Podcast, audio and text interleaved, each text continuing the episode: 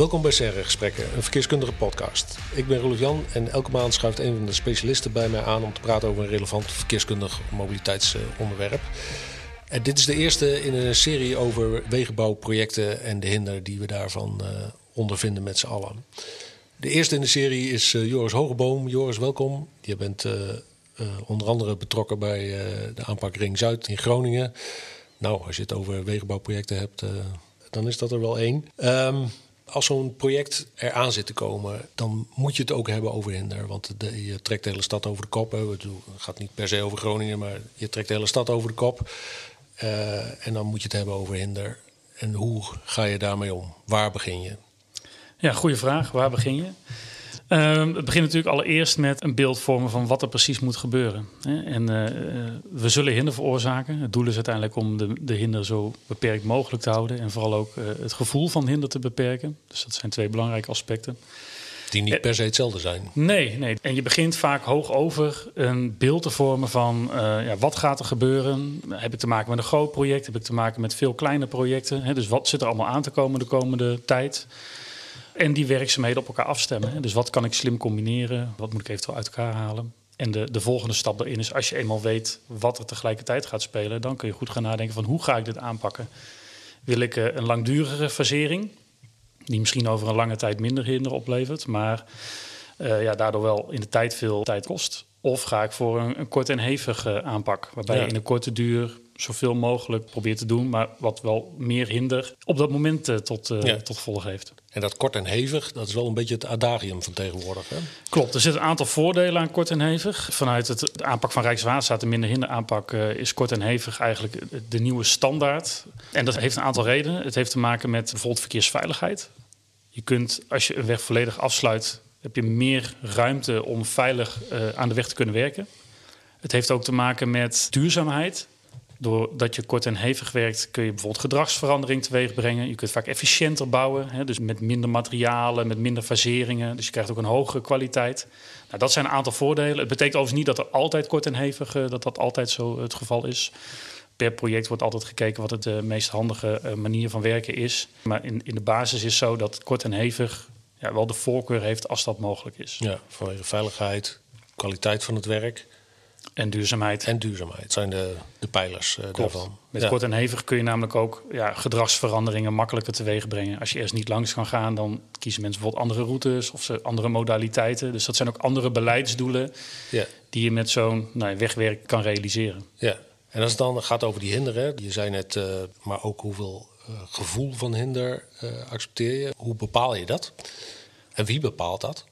Ja, de, uiteindelijk de weggebruiker natuurlijk, die bepaalt wat hij acceptabel vindt. Maar daar voorafgaand beginnen we eigenlijk met een goede hinderbepaling. Dus dat is eigenlijk vaak de basis van, als je minder hinder wilt, moet je eerst weten wat is in de basis de hinder die ik veroorzaak.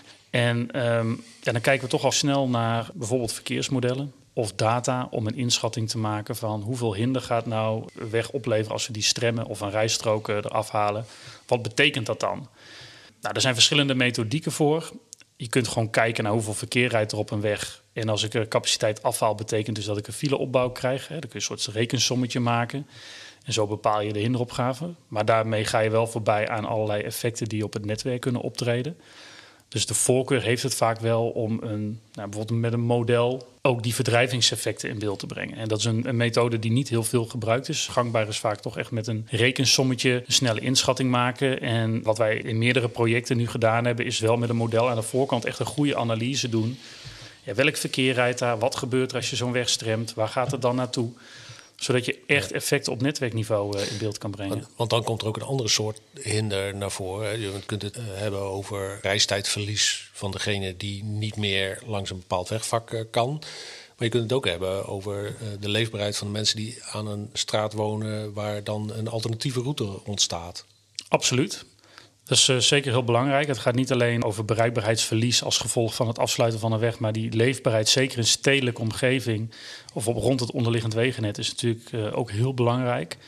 Alleen die twee zijn vaak wel tegenstrijdig uh, aan elkaar. Want als je wegen stremt, dan beperk je de bereikbaarheid. Maar dan wordt uiteindelijk de gebied wel weer leefbaarder van. Hè. Dus als je sluiproutes zou stremmen, ja, dan kan niemand daar komen. Dus heb je geen verkeer daar Dat bevordert de leefbaarheid. Maar ja, de bereikbaarheid wordt ook aangetast. Want ook de mensen die daar wel moeten zijn, kunnen er op een gegeven moment ook niet meer komen. En je verschuift het probleem natuurlijk naar andere wegen. Ja. ja. die balans zoeken, dat is een heel interessant spel waar wij vaak aan de voorkant dus heel erg mee bezig zijn van wat zou je kunnen doen als het ene optreedt of het andere optreedt. Dus daar ja, vooral van tevoren goed inzicht krijgen in wat voor verkeer rijdt er, wat voor routes, hoeveel verkeer is bestemmingsverkeer. Ja, aan de hand van modelberekeningen daar uh, een beeld van krijgen, zodat je een heel goed plan vooraf kan maken ja. hoe je een bepaald werk kunt aanpakken. En daarmee leg je eigenlijk maar op strategisch niveau vast wat je wel en niet acceptabel uh, vindt. Ja. Dus denk aan bijvoorbeeld eisen die je gaat stellen. Dus het is goed van tevoren een beeld hebben wat de impact is van een werk, zodat je ook geen onrealistische eisen gaat stellen. En je kunt daarbij ook een beeld vormen van, goh, als een weg wordt gestremd, dan zou dit het gevolg zijn. Maar deze gevolgen vinden we bijvoorbeeld niet acceptabel. Dus we geven dat mee aan een aannemer in eisen waar hij dan uh, rekening mee moet houden. Dat hij zegt van, nou, die weg mag niet zoveel toenemen, want dat vinden we onacceptabel qua leefbaarheid. Of we vinden dat de reistijd maar maximaal zoveel mag toenemen zodat de aannemer daar uh, maatregelen voor kan bedenken. En dan is het wel fijn aan de voorkant dat je daar een gevoel bij hebt gekregen dat je geen onrealistische eisen stelt. En dat je daar wat sturing in kan geven richting uh, de marktpartijen die uiteindelijk het werk gaan realiseren. Ja, een complex vraagstuk uh, stel ik me zo voor. Zeker. Ja. En uh, model is natuurlijk de ene kant. Hè. Dat, dat, is natuurlijk heel mooi als je wegen gaat afsluiten. Ik moet zeggen dat we tegenwoordig ook steeds meer toegang hebben tot data die ons daarin kan helpen. Ja. Hè. Dus we gebruiken ook steeds meer floating car data om bijvoorbeeld een beeld te vormen van ja, hoeveel verkeer gaat er nou echt daadwerkelijk naar een gebied toe? Wat zijn de routes die het verkeer aflegt door gebieden?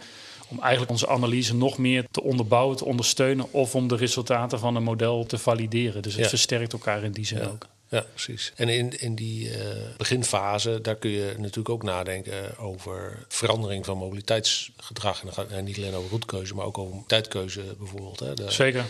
Zitten daar de grote kansen Absoluut. Dat is een van de redenen waarom kort en hevig voordelen heeft. Als je echt een route stremt, dan stimuleer je meer gedragsverandering. En een van die gedragsveranderingen die je mogelijk teweeg brengt, zijn modaliteitskeuzes. Ja. Dus uh, mensen die van de auto naar de fiets gaan of naar het openbaar vervoer. En in het plan wat we opstellen is dus ook heel belangrijk dat je niet alleen naar uh, ja, unimodaal naar de auto kijkt, maar echt een, een multimodaal afwegingskader uh, realiseert. En daar helpt ook het kijken naar data helpt daar heel erg in. Want wat voor ja. ritten worden er nou afgelegd over die verbinding? Zijn dat autoritjes van drie kilometer of zijn dat echt hele lange doorgaande ritten? Want dat bepaalt uiteindelijk ook ja, welke strategie je kunt ja. toepassen. Is het vooral bestemmingsverkeer, dus moeten we lokaal iets gaan regelen? Is het vooral doorgaand verkeer, dus moeten we misschien met omleidingsroutes iets gaan doen?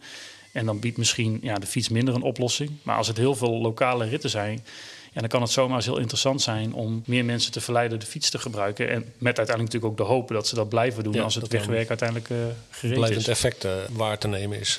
Daar kun je die floating car data heel goed voor gebruiken voor dat soort analyses. Zeker, uh, want je kunt dus in beeld brengen wat inderdaad bestemmingsverkeer is. Je kunt ook zien wat een beetje de afstanden zijn die, die afgelegd wordt als je daar slim de analyses op toepast ja, wij hebben daar heel veel ervaring nu mee. En we zien dat ook gewoon in projecten die we gedaan hebben, dat het ook zijn vrucht heeft afgeworpen. Dat tegen de verwachtingen in uh, de zaken vaak veel beter lopen dan men van tevoren had gedacht, maar wij, wij van tevoren wel hadden ingeschat. Ja.